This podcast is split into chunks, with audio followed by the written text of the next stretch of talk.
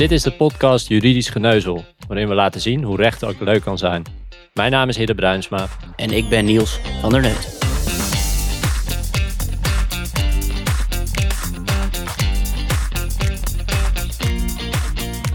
Je luistert naar Juridisch Geneuzel, aflevering 16. We zijn er eindelijk weer nadat de januari-aflevering wat eerder was dan normaal. Maar vanaf nu kun je gewoon weer elke vier weken een aflevering verwachten. En natuurlijk gaan we zo weer beginnen met een raar verhaal. Maar we hebben eerst een klein verzoek. Want als je luistert via Spotify of Apple Podcasts, laat dan even een beoordeling achter. Daarmee help je ons namelijk om beter gevonden te worden. En dan gaan we nu beginnen. Niels, wat heb je weer uit je archief van rare verhalen gehaald? Ja, we gaan het vandaag ook veel hebben over burn-outs. Dus ik heb een zaak in die sfeer gekozen. Uh, een bedrijfsleider stapt na het werk een kroeg binnen en ziet daar tot zijn verbazing de werknemer die al een tijdje rondloopt met een burn-out. Nou, jij doet helemaal niks aan de reïntegratie, maar wel gezellig bier drinken. Zo dacht waarschijnlijk deze bedrijfsleider. Want nog voordat de werknemer kon zeggen dat hij op advies van de arts wat meer onder de mensen moest komen, sloeg de bedrijfsleider de werknemer twee meter door de lucht. Zo is te lezen in de uitspraak.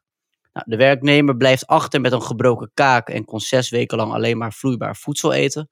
Nou, deze bedrijfsleider moest zich melden bij de politierechter, maar naast het strafrecht roept het ook arbeidsrechtelijke vragen op. zoals, heeft de werknemer recht op schadevergoeding op grond van werkgeversaansprakelijkheid, ondanks de privésfeer?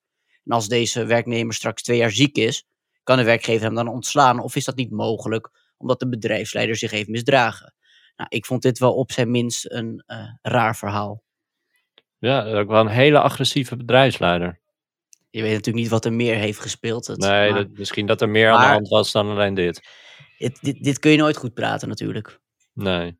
En laten we doorgaan naar het hoofdonderwerp. Namelijk uh, onbereikbaarheid buiten werktijd.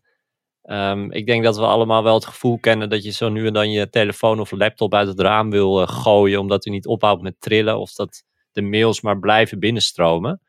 Um, wat is nou de laatste keer dat jij uh, werd gestoord door werk op een moment dat je er niet echt op uh, zat te wachten? Ja, werkgerelateerd heb ik dat niet zo. Ik schrijf natuurlijk een proefschrift en dat is vrij individueel werk. Het is niet zo dat, uh, dat de mails bij mij binnenstromen dat ik gebeld word met een spoedklus. Sowieso heb ik trillen alleen aan met bellen. Ik krijg mijn mailtjes en appjes pas binnen als ik op de app klik. Dus ik heb ook geen voorvertoning en ja, ik word daardoor gewoon niet afgeleid. Maar ik moet eerlijk bekennen dat ik in de avond en weekenden wel meerdere keren mijn app en mail uh, bekijk. En ik heb ook zo'n ochtendritueel waarin ik als eerste mijn app en mail check. En meestal heb ik niks boeiends in mijn mail, maar soms heb ik een mail met een lengte van een boekwerk, verzonden om half zeven ochtends, waar ik dan natuurlijk nog veel te slaperig voor ben. Maar ja, dat is, dat is het dan ook wel. En die mail is dan natuurlijk afkomstig van, uh, van jou. Ja, nou. wie anders om dat tijdstip uh, stuurt dat soort mails. Word jij wel vaak gestoord dan? Tijdens, tijdens het werken?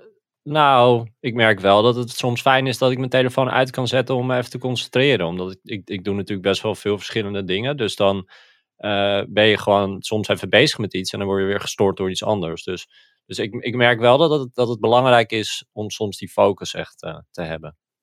Zeker. Maar dus als ik het zo hoor, kijk, jij bent vrij flexibel, ik ben vrij flexibel. Dus volgens mij kunnen wij best wel makkelijk onze telefoon in ieder geval uitzetten. Er is niemand die ons gaat bellen van, van joh, uh, dan ben je ontslagen of zo. In ieder geval dat gevoel heb ik niet. Maar er zijn natuurlijk wel een hoop mensen die die luxe minder hebben. Um, en ik ga het onderwerp hier even omdraaien. Maar wat zijn de regels uh, over bereikbaarheid? In de Arbo-wet staat dat de werkgever moet zorgen voor de veiligheid en gezondheid van zijn werknemers. En in verband daarmee ook een Arbo-beleid moet voeren. Nou, in dit beleid moet in ieder geval aandacht zijn voor het voorkomen of beperken van psychosociale arbeidsbelasting. Nou, dat zijn dan de factoren die in de arbeidssituatie stress kunnen veroorzaken. En de wet noemt ook een paar voorbeelden: eh, seksuele intimidatie, agressie, geweld, pesten en werkdruk. Nou, de risico's en maatregelen om die risico's te voorkomen of te beperken moeten worden neergelegd in een RINE, een risico-inventarisatie en evaluatie. En verder begrenst de arbeidstijdenwet hoe lang een werknemer maximaal mag werken en hoe lang de rusttijd moet bedragen. Die arbeidstijdenwet is niet altijd van toepassing, hè? bijvoorbeeld niet bij onvoorziene gevaarlijke situaties. Denk gewoon aan de openbare orde. En niet bij werknemers die minstens drie maal het minimumloon verdienen. En dat is bij zo'n 5200 euro per maand of meer dus. En nu ligt er dus een wetsvoorstel dat de werkgever verplicht om met zijn werknemers een gesprek te voeren over de bereikbaarheid buiten werktijd. Ja, de naam van dat wetsvoorstel is het voorstel tot wijziging van de arbeidsomstandighedenwet in verband met het aangaan van een gesprek tussen werkgever en werknemers over bereikbaarheid buiten werktijd. Hadden ze nog een langere zin kunnen verzinnen. Maar voordat we in alle ins en outs van dit voorstel gaan bespreken, kunnen we toch niet anders dan te benoemen wie dit voorstel had ingediend. Dat is namelijk uh, Gijs van Dijk. Ja, Gijs van Dijk, voormalig Tweede Kamerlid van de PvdA. Hij stapte begin februari op en in zijn eigen verklaring sprak hij over een chaotisch privéleven. Ik weet niet precies wat de definitie van een chaotisch privéleven is. Maar als ik het nieuws mag geloven, had hij op een gegeven moment een relatie met vier vrouwen tegelijk. Nou, ik heb wel een andere voorstelling bij een chaotisch privéleven, maar daar gaat het nu natuurlijk even niet om. Of dit ook een geval MeToo is, is op dit moment nog niet helemaal duidelijk. Maar wat wel duidelijk is, is dat hij in ieder geval een puinzooi van heeft gemaakt. En daar druk ik me nog heel mild uit. Een puinzooi en chaotisch, nou dat lijkt me zeker het geval. En laten we hopen dat hij niet meer slachtoffers heeft gemaakt dan de vier vrouwen waarmee hij tegelijkertijd een relatie had. Ehm, vandaag gaan we het echter niet hebben over grensoverschrijdend gedrag op de werkvloer. Het voelt ergens wel een beetje gek om dat onderwerp verder niet te bespreken. Maar ik ga toch terug naar het wetsvoorstel dat vandaag centraal staat. Uh, heeft zijn opstappen nog gevolgen voor dit voorstel? Nee, dat niet. Uh, misschien sowieso even goed om in hoofdlijnen te vertellen hoe zo'n wetgevingsproces gaat. Tweede Kamerleden hebben uh, verschillende bevoegdheden en een daarvan is het recht van initiatief. Dus om zelf als Kamerlid een wetsvoorstel in te dienen. Nou, zo'n initiatiefwetsvoorstel wordt op ongeveer dezelfde wijze behandeld als een wetsvoorstel van de regering. Dus er wordt eerst advies gevraagd aan de Raad van State. En dan moet het Tweede Kamerlid zijn wetsvoorstel in de Tweede Kamer verdedigen. Kunnen er nog wijzigingen worden voorgesteld? Nou, en als het wetsvoorstel wordt aangenomen, dan moet de initiatiefnemer van het wetsvoorstel deze verdedigen, ook in de Eerste Kamer. Nou, dat kan bij Gijs van Dijk natuurlijk niet meer, want hij is opgestapt. Maar wat er dan gebeurt, dat is hetzelfde als bij een overlijdingsgeval, is dat een partijgenoot die plek inneemt. En op dit moment ligt het wetsvoorstel bij het adviescollege toetsing regeldruk. Nou, dan bespreken we het voorstel in ieder geval niet voor niets. En over dit voorstel belden wij met Lauren Verster, bij de meesten vooral bekend als programmamaakster en presentatrice. Maar ze is ook ambassadeur gezonde leefstijl en sprak in dit kader het afgelopen jaar met veel specialisten uit verschillende disciplines over mentale fitheid. Wij vroegen haar: is het maken van afspraken over bereikbaarheid buiten werktijd een logische reactie op de huidige mentale fitheid van werknemers? En zij antwoordde hierop als volgt.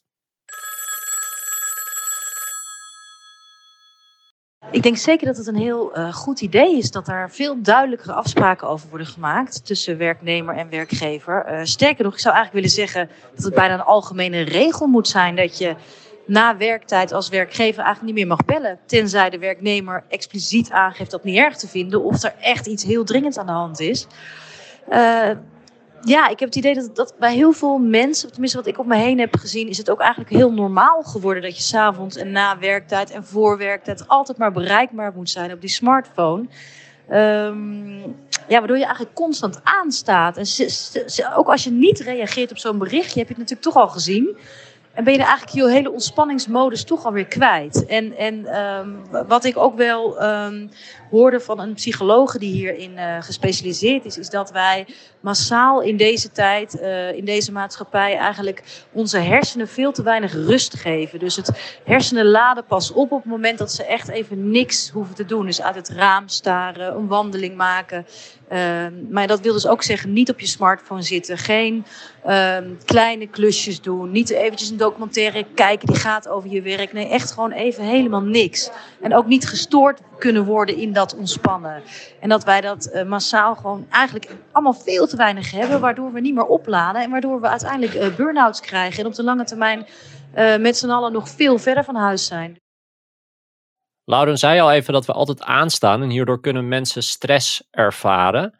En in de toelichting op het wetsvoorstel worden er allerlei cijfers genoemd. En de grootste groep die stressverschijnselen ervaren zijn de jongeren tussen de 25 tot 35 jaar oud.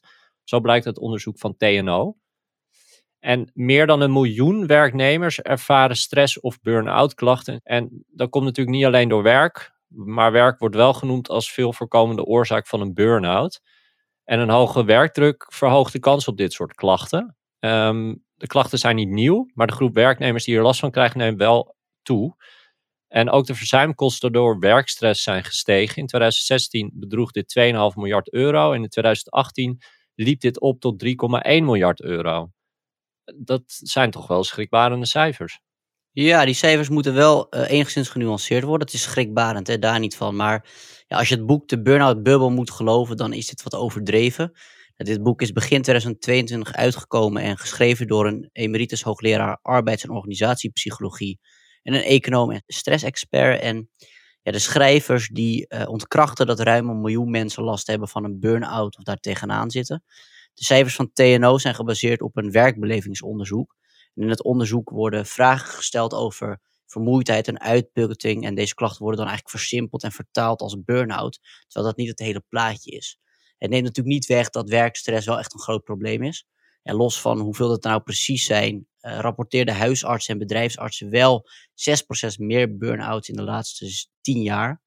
En ook Brits onderzoek en uh, onderzoek van mijn collega's aan de UvA laat zien dat werknemers steeds vaker last hebben van workplace telepressure.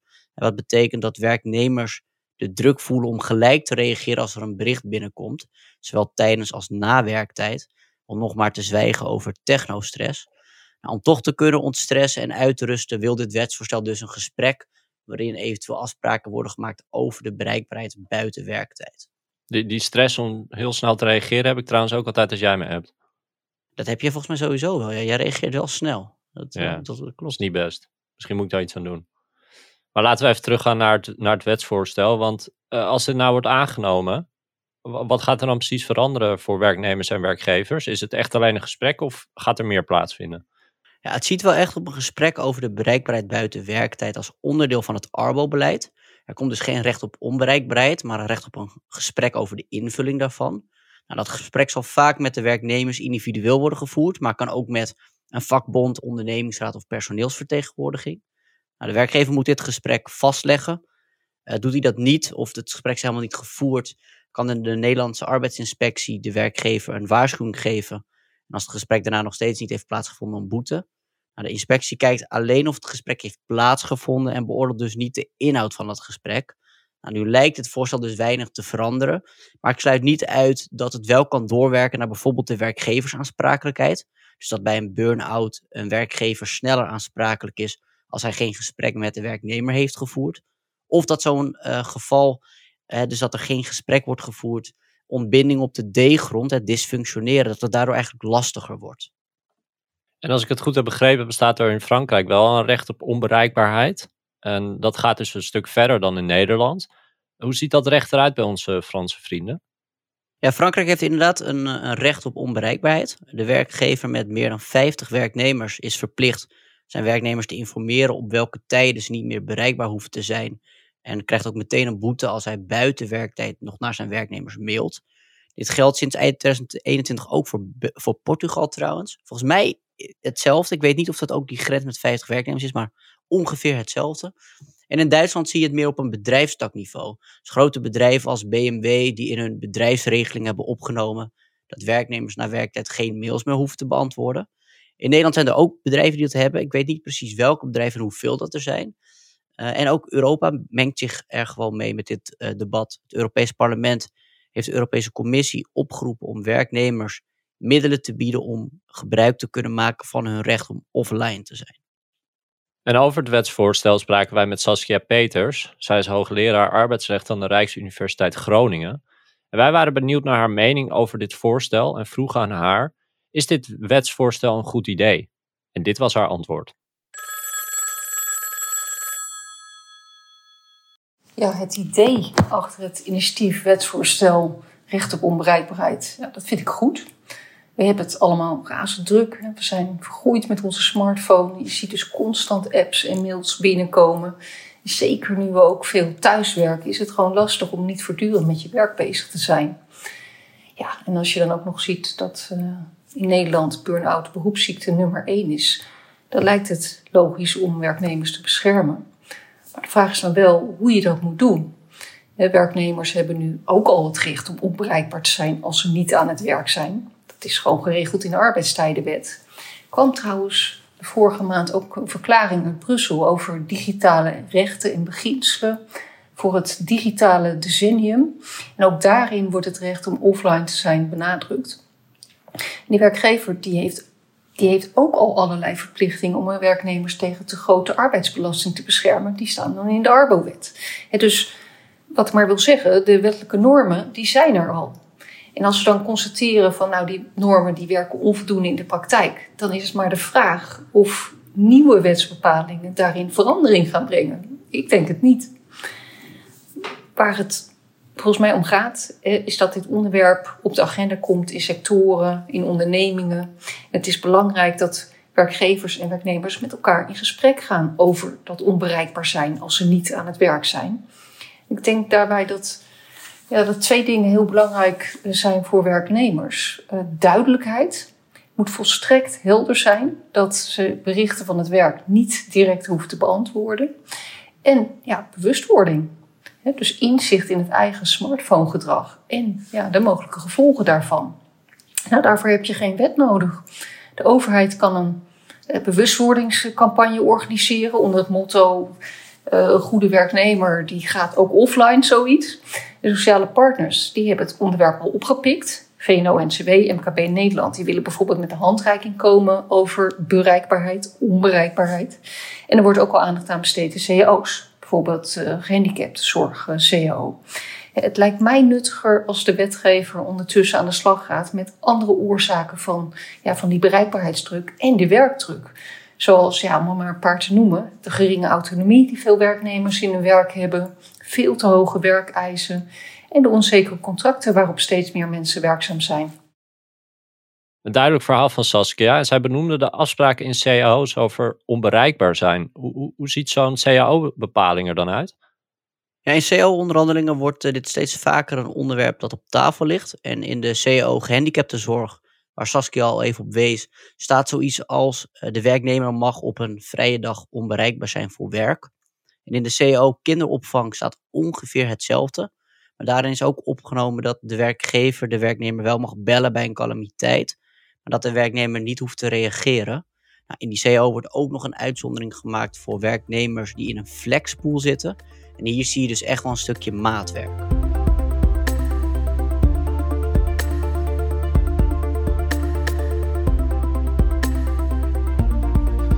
En dan nu nog even graag aandacht voor. Ik wil deze keer graag aandacht vragen voor de Groene Arbeidsovereenkomst. Dit is een arbeidsovereenkomst waarmee je als werkgever en werknemer groene afspraken kan maken. En aan wat voor afspraken moeten we dan bijvoorbeeld denken? Nou, bijvoorbeeld het belonen van de keuze voor een duurzame bank door een werknemer. Het geven van meer reiskostenvergoeding aan werknemers die kiezen voor het openbaar vervoer of de fiets. En het stimuleren van vrijwilligerswerk door daar extra vrije dagen voor in te plannen. Ik vind het een mooi initiatief. En mocht je met de Groene Arbeidsovereenkomst aan de slag willen, dan kun je die gratis maken en downloaden via groeneovereenkomst.nl. En voordat we afronden, heb jij natuurlijk weer een eh, tip van de aflevering, uh, Niels. Wat is deze keer je tip? Ja, we mogen weer naar kantoor. En de vraag is dan wat de verdeling wordt tussen thuiswerken en op kantoor. En dit lijkt mij voor werkgevers bij uitstek het moment om het gesprek met werknemers aan te gaan over die verdeling. Maar ook over wat je van elkaar verwacht qua hoe je elkaar kunt bereiken en op welke tijdstippen. De een is bijvoorbeeld meer een avondwerker, dat ben ik een beetje. Of haalt in het weekend nog een uurtje in. En autonomie blijkt heel erg belangrijk te zijn voor werknemers, ook om werkstress te verminderen. Dus dat moet je niet in de weg gaan staan. Maar werkgevers moeten werknemers wel bewust maken van hun gedrag. En niet alleen voor zichzelf, maar ook voor collega's. Als een werknemer een mail stuurt in het weekend naar een collega, ja, dan kun je er wel inzetten voor na het weekend. Maar iemand leest het misschien toch en gaat daarover nadenken. En dan kom je toch niet in die ontstressmodus of dan ben je dan weer, word je weer uitgehaald. Nou, de werkgever kan dan misschien tegen deze werknemer zeggen: wacht even met het sturen van die mail tot bijvoorbeeld maandagochtend. En waar het dus eigenlijk op neerkomt, ga als werkgever met werknemers het gesprek aan en kijk daarbij zowel naar individuele als collectieve wensen. En daarmee komen we tot het einde van deze zestiende aflevering. Ik wil graag Lauren Verster en Saskia Peters bedanken voor het inbellen. Vergeet ons niet te volgen en mocht je nou nog een uh, arbeidsrechtelijke vraag hebben, stuur dan even een mailtje naar vragen.juridischgeneuzel.nl. Bedankt voor het luisteren en graag tot de volgende keer.